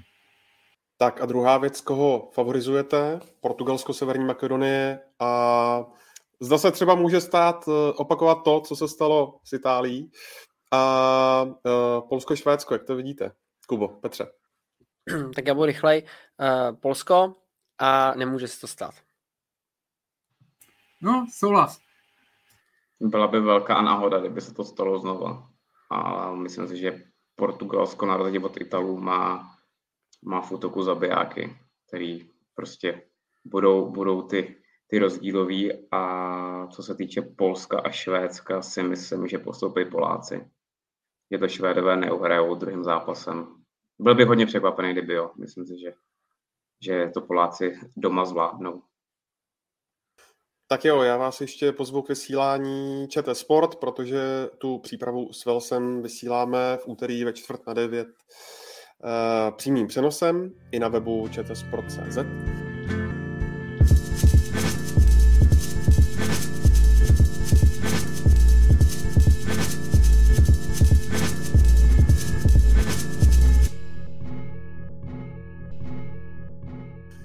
Pojďme na Bohemku. My tady máme vlastně takovou unikátní eh, věc. Eh, dva hráče, eh, kteří mají s Bohemkou své zkušenosti, tak mě zajímá, hm, Kubo a Petře, co se vám jako první vybaví, když se řekne Bohemians 1905?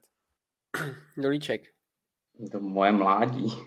Prostě já jsem tam celou byl tři čtvrtě kariéry, takže to je moje mládí, no. První ligový start. Eh, dostáváme se k výměně trenéra, protože Luděk Klusáček skončil, on tam vydržel poměrně dlouho, ale teď eh, se vlastně nevyhrálo v devíti z posledních deseti zápasů, čemu eh, to asi nejvíc přičítáš, Petře. Eh, zda v tom velkou eh, roli sehrály ty absence a, a co ty opakující se individuální chyby? Začnu od konce. Uved si, uved si jeden z obrovských problémů Bohemky a to jsou individuální chyby, kdy oni si ty zápasy prohrávají de facto sami. Jo tyhle ty vyrovnanější zápasy, jo, kde, kde, ať to bylo doma s Boleslaví nebo doma se Slovánskem, kde to měli dobře rozehraný, ale prostě svýma vlastníma chybama uh, ztrácej, ztrácej prostě ty body, kterým v konečném důsledku můžou nakonec chybět. Uh, to je hlavní, to je jeden z důvodů. No. Další důvodu myslím si, že v zimě nepřišlo doplnění, ale to jsme se bavili už i předtím, takže na to jenom navážu, eh, že nepřišlo vhodné doplnění kádru, jakoby zkvalitnění kádru, přišlo jenom doplnění. Jo. O výraznější poslu se můžeme bavit o Ondrovi Petrákovi, jediným, který má zkušenost v zahraničí a vlastně eh, zapad do eh, sestavy i hned a vlastně drží si takovou tu, drží si takový ten svůj standard jeden z dalších, jako to už se bavíme dál, jo, prostě Bohemka v tuhle chvíli je v křeči, jo, kde nechytla začátek jara a, a prostě ty body nemají a v tuhle chvíli vlastně je na nich vidět, že eh, fotbal totálně zjednodušili, jo, prostě snaží, snaží se to jakkoliv ukopat a, a vlastně jakoby nic krásného nepředvádějí, ale i přes ten v hnusný fotbal nevyhrávají. Takže myslím si, eh, že je to jeden z těch důvodů další, že prostě klíčoví hráči nebo prostě tým, eh, hráči, o kterých se Bohemka opírala třeba na podzim v nějakých zápasech, jo, tak prostě nemají, nemají tu aktuální formu takovou, aby, aby ten, tým, ten tým vlastně zvládli. Jo. Myslím si, že jediný, kdo jak tak si drží svůj standard nebo prostě dokáže, dokáže si držet nějakou formu, tak je, tak je puškáč v útoku, který je vlastně základní stavební kámen v tu chvíli.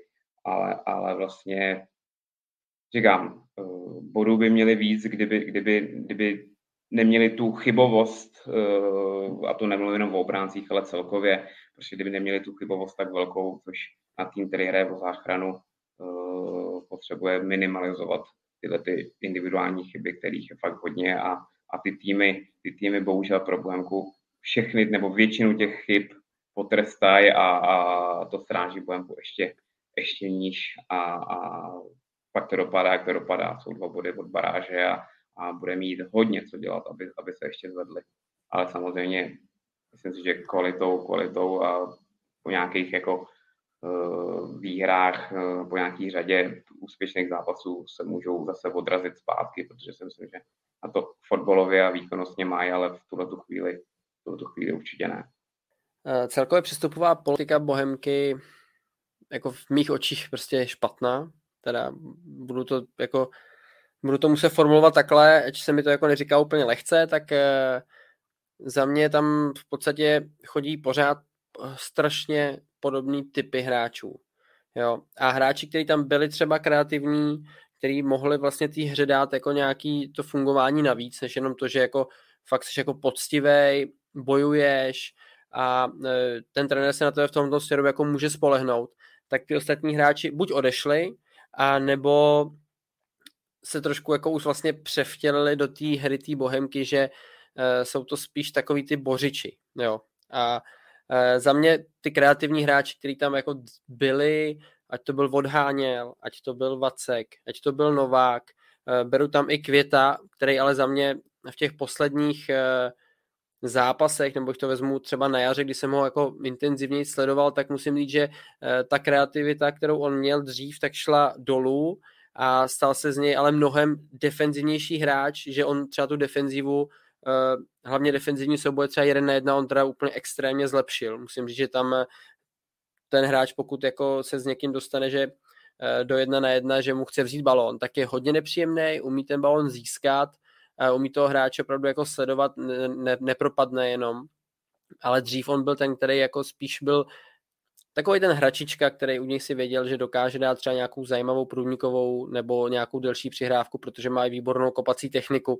Ale obecně Bohemka se těch hráčů v podstatě zbavila, odešli Novák na hostování, pro mě absolutně jako nepochopitelná věc, teda uh, já vlastně tam ani není jako důvod se úplně divit, proč Bohemka, jak tady říkal, Petr hraje jako, když to nazvu, hnusný fotbal. A jako kdo by tam měl dělat ten krásný fotbal? Kdo by měl dobrý hřiště, jim taky úplně nepomáhá. To, to prostě jako další věc. A ty individuální chyby tam jsou. Myslím říct, že třeba na podzim eh, se v podstatě brankáři předháněli, kdo, kdo prostě udělá chybu a z té branky ho trenér nakonec vyndá, protože ať už to byl Páťa Legiank nebo Hugo Bačkovský, tak hm, těch individuálních failů tam prostě na podzim měli opravdu hodně a v té bráně se vlastně jenom střídali vždycky, když to někomu úplně nevyšlo, tak šel ten druhý. Takže v tomhle tom mm, jim to taky nepomohlo, ale Bohemka má strašně široký kádr, v podstatě takových dost podobných hráčů. Jo. A ještě bych tam právě zařadil i, i Davida Puškáče právě k těm hráčům, kteří dokážou udělat něco zajímavějšího, výjimečnějšího, i proto v podstatě dává ty góly. A u něj zase problém zdraví. Že není schopný prostě být jako delší dobu fit a zdravý, vždycky má tam nějaký výpadek, myslím, že toho toho určitě hodně sráží, protože on třeba není jako muskulaturně extra udělaný hráč, ale má takovou tu přirozenou sílu, jo, to je prostě, on dokáže si poradit i s hlavu větším stoperem, v podstatě i váhově silnějším, a není, není ale jako extra nasekaný, ale prostě se umí dobře zapřít a má dobrou levou nohu. Ale prostě Bohemka teďka i tím, že toho Nováka třeba poslala pryč, tak ukázala, že hele, já to chci, my to chceme teďka sázet na tu zkušenost, na takový ty fakt poctivý hráče a takhle my to v podstatě můžu říct jako zachráníme, jo, tady tenhle ten ročník. No a co bude příští rok? Jo, já, já myslím říct, že Bohemka prostě za mě, když jsem tam ještě třeba byl já, tak já jsem tam viděl nějakou jako vizi prostě nějakým směrem. A teďka mi přišlo, že pod formou nějakého tlaku zase těch záchranářských prací bohužel eh, skočili zpět a zase jako na nějakou vlnu to nebude, že přes přípravu oni si řeknou, hele, pojďme teda hrát jako kombinačně a zase všechno bude super a vrátíme se na to, kde jsme třeba před rokem byli. No, já si myslím, že už ne. A říkám, ta přestupová politika za mě, za mě je hrozně zvláštní a já, já, já myslím, že, že prostě dělají kroky zpět teďka. No. Karle, zajímá mě eh, jméno nového trenéra, kterým se stal Jaroslav Veselý, což je vlastně člověk, který přišel do klubu v zimě, kdy nahradil Ericha Brabce, který eh, vlastně trochu nečekaně skončil. Psalo se o tom, že měl možná nějaké neschody s Luďkem Klusáčkem. Eh, nemělo do toho vedení Bohemky říznout podle tebe trochu víc a zároveň s tím Bohemka má vlastně v tabulce druhý nejvyšší počet inkasovaných gólů, tak co se za těch 14 dní, teď už vlastně o víkendu bude hrát Bohemka s Karvinou, co se dá zlepšit? Obrana. Ne, to je těžký. Samozřejmě takhle, eh, jako dokážu si představit, a ono to i zaznělo, že vzhledem k tomu času, v jaké je to fázi sezony a tak dále, tak eh, že prostě nechtěli nějaký větší, nějaký větší řez. Jako samozřejmě na druhou stranu jsme viděli naopak situace, kdy to pomohlo. Jo. Mně spíš, eh, jako určitě budou pracovat asi na, eh, na té defenzivě. Když už hrajete, když už hrajete o záchranu, tak to, co kluci oba zmiňovali, jako, když už se do toho průšvihu dostanete, tak eh, z toho se už nevykouzlíte jako nějakým hezkým fotbalem. Jo, tam už to musíte prostě přes obranu a jako urvat to nějak. Jo. Tam už velkou nádheru fotbalovou jako nevykouzlíte. Takže i když on mluvil, eh, eh, Jaroslav Veselý mluvil o tom, že prostě má radši jako ofenzivnější nebo konstruktivnější fotbal a tak dále, tak si nemyslím a vlastně tak si nemyslím, že by se nějak eh, něco výrazně změnilo v tomhle směru. Jo.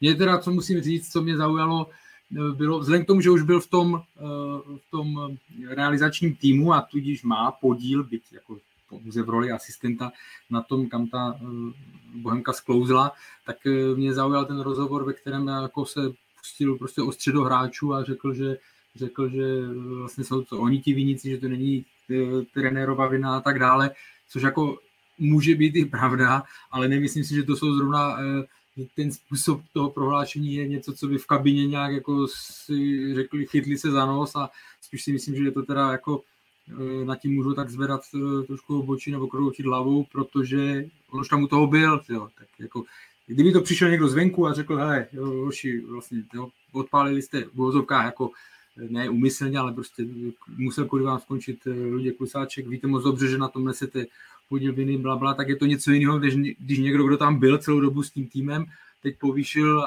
a takhle jim naloží. Takže nemyslím si, že aspoň směrem ven to pro něj nebyl, eh, nebyl šťastný začátek, ale to zase jako nemusí nic, eh, nic jako velkého znamenat. No. Ale znovu říkám, ne, neočekávám nějaké drastické, drastickou změnu směrem, eh, směrem do ofenzivy. Kdybychom to měli uzavřít, tak uh, očekáváš, Petře, že Bohemka bude hrát baráž? Nebo ne? Hmm, budu si přát, aby ne.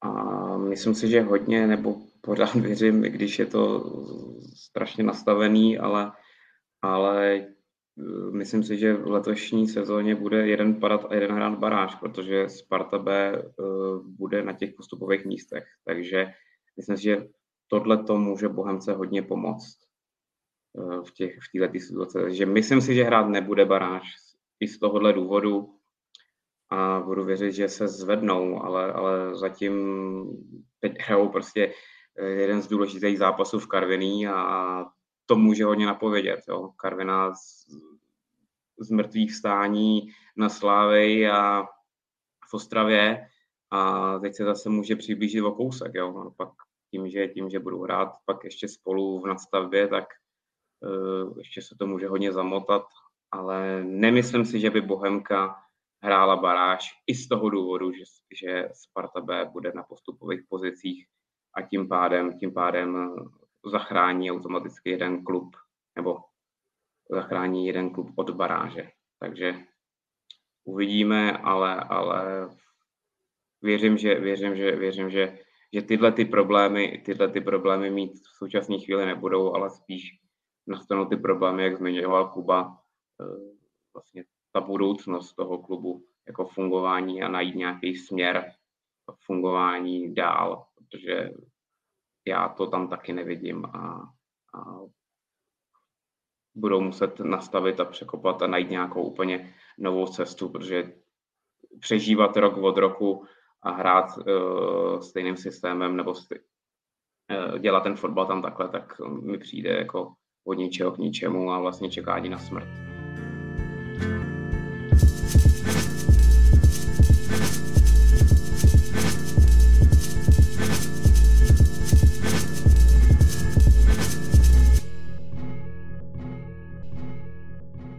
Si ještě v rychlosti dejme poslední téma. V pátek se hrálo odložené semifinále poháru mezi Hradcem Králové a Slováckem, ačkoliv Martin Svědík měl eh, k dispozici poměrně omezené množství hráčů kvůli absencím a nebo taky tomu, že eh, Václav Jurečka putoval do reprezentace, tak to přesto Slovácko Eh, v tom mladoboleslavském vyhnanství Hradce Králové zvládlo a vyhrálo 1-0. Co podle vás udělali hradečtí špatně, že to nezvládli? Prostě prohráli, no, jako. Eh, Slovácko je těžký soupeř. Eh, myslím si, že Hradec tu sezónu ukazuje opravdu zajímavý výkony i díky tomu svýmu systému, který Eh, ne úplně s extra vyhlasnými hráči, ne s hráči, kteří jsou všichni protřelí prostě ligou, tak si myslím, že mm, eh, ta stopa, kterou oni do, do posavať v tomhle ročníku udělali opravdu, eh, opravdu silná a trenér Koubek má jako zajímavý taktický tahy, který mu jako velmi často vychází, takže já musím říct, že Hradec rozhodně na začátku pro mě byl překvapením, když oni tuším první tři zápasy, tři remízy, ale jako ze tří zápasů tři body není slavného, ale ono, když si potom ukázali, že eh, s každým tím týmem dokázali hrát prostě vyrovnanou partii, tak eh, jim to asi vlilo i nějaký elán. Eh, ten kádr nemají extra široký a teďka měli šanci ukázat se i v poháru v podstatě velmi daleko a byli blízko fakt jako zajímavému postupu pro ně, ale bohužel no, Slovácko je prostě silný tým, a ať už to není Slovácko, tak jak bylo eh, na podzim, kdy jim to prostě šlapalo extrémně, tak eh, pořád tam ty hráči mají jako velkou individuální kvalitu a, a ten zápas i třeba by svého nejlepšího střelce dokázali zvládnout. Já jsem ten zápas viděl a prostě potkali se dva, dva týmy ne velkou rozdílnou kvalitou, takže jako bylo by to buď a nebo.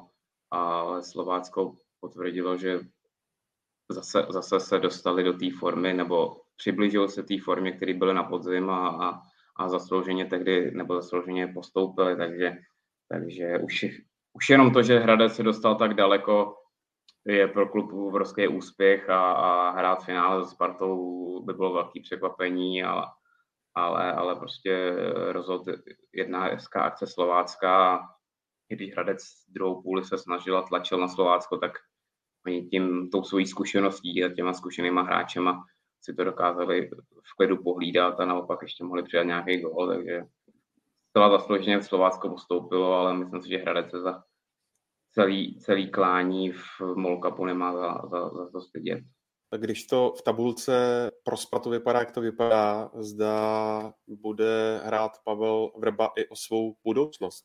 Já si nemyslím totiž takhle. Eh, nemyslím si, že pohár bude ten, který o tom rozhodne, jako jestli trofej z poháru nebo ne. Já jsem chtěl říct, že se na to finále fakt těším, hodně těším, protože pro Slovácko to bude svátek obrovský, hraje se tam, což samozřejmě je velmi složité bude pro Spartu, ale jako pro atmosféru fotbalovou a tak dále, pro Slovácko to bude opravdu událost. Sparta, znovu říkám, ne, nemůžu říct, že by si tím, jako, že by to byla situace, kdy si jde zachránit sezonu. Jo? Ten pohár pořád jako je e, braný jinak a pokud by skončila vize třetí, tak to pro ní bude neúspěch. Takže si, pokud by se řešila budoucnost trenéra e, Sparty, Pavla Vrby, tak e, na základě toho, jak se to vyhodnotí v Hlize a nemyslím si, že by, byť je to pořád, je to trofej, a nemyslím si, že by ta trofej jako to měla rozhodnout, jestli jo, uh, jestli jo nebo ne. No a ještě mě na závěr uh, zajímá uh, potom mm, odřízeném derby polskými sudími v čele s panem Marciniakem se začalo čele hovořit o tom, že by měl zahraniční rozhodčí pískat i nadcházející víkendový šlágr mezi Plzní a Sláví.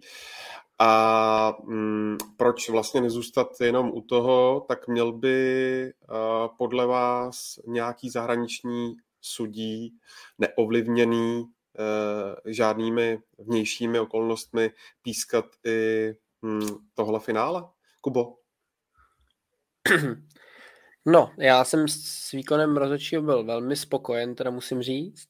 A obecně si myslím, že by tyhle ty zápasy měly samozřejmě pískat naši rozhodčí, protože to jsou pro ně určitý zkušenosti, kdy oni prostě zaprý, můžou, zaprý to můžou ukázat, že na to mají, v tom smyslu, jako je to i nějaký ocenění jejich práce a uh, z té druhé strany jako měli bychom si pískat ty soutěže, jako tu soutěž my, že jo, prostě uh, ty rozhodčí by měly získat, jako, když řeknu i zpátky, jako nějaký kredit, ale momentálně my prostě ty rozhodčí, a teď se na mě hlavně nezloběj, nemáme.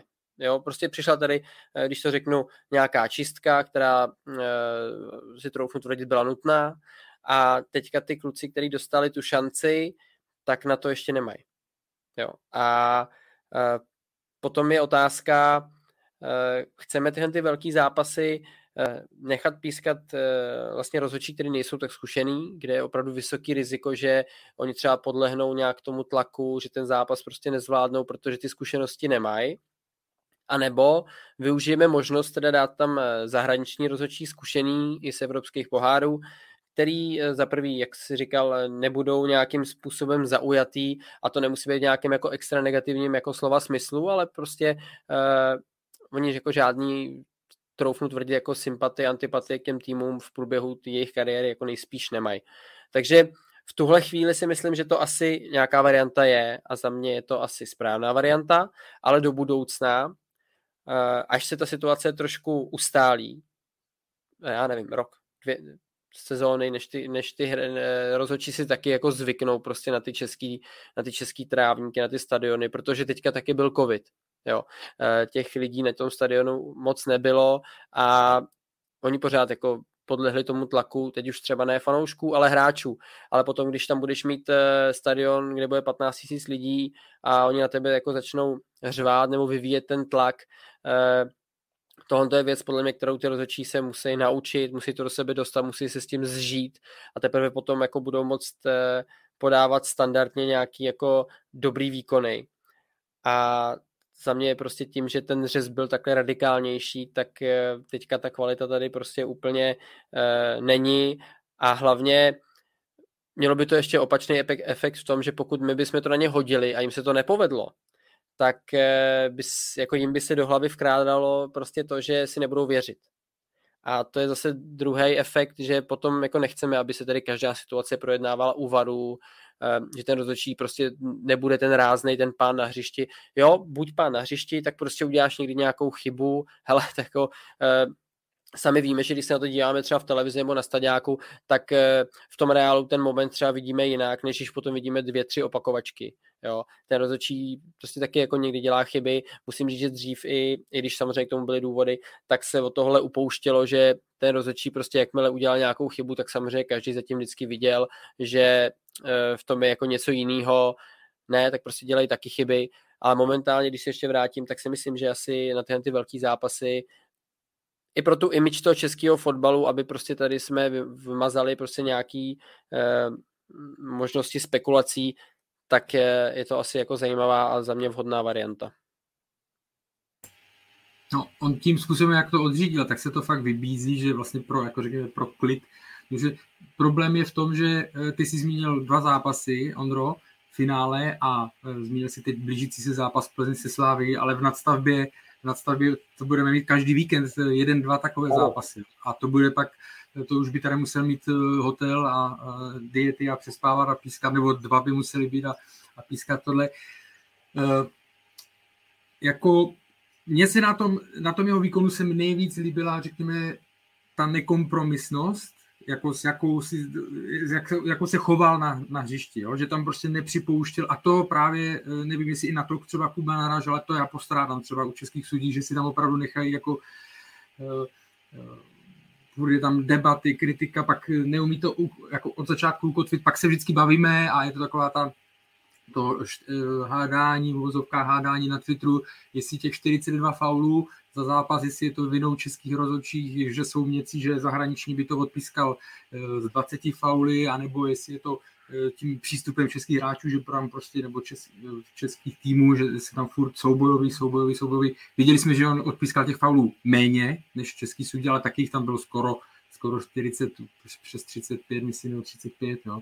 Takže to není, takže se to někde sešlo na půl, ale opravdu ten styl on nám ukázal, a především teda českým rozhodčím, jak se píská, jak se píská v Evropě. A teď je otázka, teď je to nejdůležitější, aby se tady toho způsobu pískání jako chytli, chytli i, i čeští rozhodčí, protože chyby budou dělat vždycky, to je normální, je to fakt nevděčná práce, vůbec to nikomu z nich nezávidím, u nás je to ale bohužel jako doplněný tím, co jsme si tady vidíme v, v odposleších a tak dále, takže veškeré ty, řekněme, nebo většina těch pochybností nebo těch spekulací se pak ukázala jako pravda, tak jako je logický, že se prostě bude spekulovat a ta důvěra, to bude trvat roky, než se to, než se to obnoví, jo.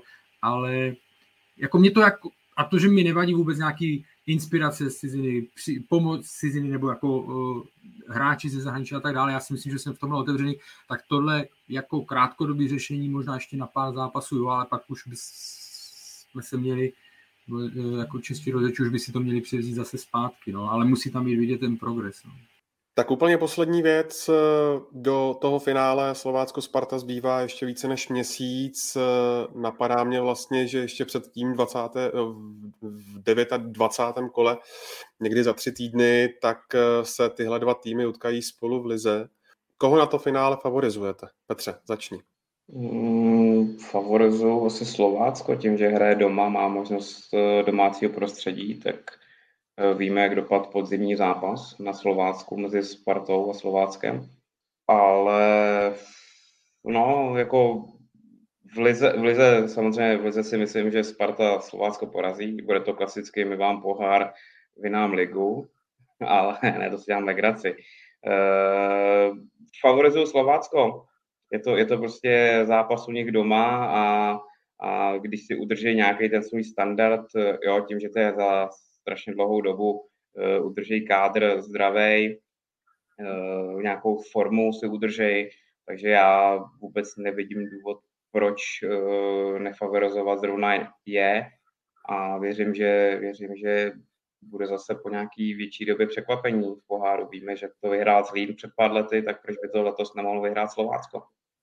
Takže myslím si, že by mohli oni. Lehonce, Lehonce uh, favorizuju v téhle chvíli Slovácko. Já řeknu, že vidím rozdíl teda uh, mezi Slováckem na podzim a teď, že, že myslím si, že na podzim opravdu jim to šlapalo úplně neuvěřitelně, sedlo si všechno, ty hráči tam podávali, uh, trochu si tvrdit některý i jako životní výkony. Uh, teď se uvidí, jako do, v jaký formě oni do toho zápasu půjdou, ale já když se ještě vrátím do ty svý kariéry, tak na Slovácku jako hostujícímu hráči jsem hrál vždycky strašně blbě. Jako strašně blbě. Uh, lidi vytvořili pro ty domácí jako výbornou atmosféru, ale celkově uh, mně přišlo, že když jsme hráli my, tak všude bylo málo místa, a, ale oni tam běhali a já jsem skoro nevěděl, protože ty měli zase místa spoustu, jo. takže t, t, prostě fakt jako hosto, hostově jsem tam hrál vždycky hrozně špatně a Sparta si myslím, že to má podobně. Takže já teďka nechci úplně, aby to znělo alibisticky, v tý, pokud se Slovácko dostane do té formy jako na podzim, tak favorizuji Slovácko, pokud ne, tak prostě ty šance jsou za mě jako hodně, hodně vyrovnaný. Ono je fakt dopředu těžký typovat, jo, ale já, když jsem si říkal, na druhou stranu, jako na Slovácku bude obrovský tlak, budou mít historickou šanci, budou doma a to ten tým samozřejmě může ovlivnit, jo. Ale pak jsem si rychle projel a pokud budou zdraví ti zkušení hráči, kteří už takových zápasů odehráli jako hromadu, jo, tím myslím, já nevím, Milan Petržela, Michal Kadlec a tak dále, tak zase s tímhle se určitě popasují líp, než kdyby to byl tým, řekněme, nějak jako složený prostě z frajdu, který v těchto situacích často nebyli. Tak jo, eh, to finále samozřejmě vysílá eh, živě ČT Sport. Eh, já vás ještě pozvu k vysílání. Vels jsem už zmiňoval ještě o víkendu vlastně na ČT Sport. Můžete sledovat atraktivní druholigové utkání mezi Duklou a Líšní, což nevím, jestli Pavel naladí na Špicberkách. No, uh, my se uvidíme opět příští týden, to si samozřejmě zhodnotíme už zmíněný šláger mezi Plzní a Sláví a samozřejmě se taky podíváme na Spartu s Baníkem, další výrazný uh, duel nadcházejícího kola.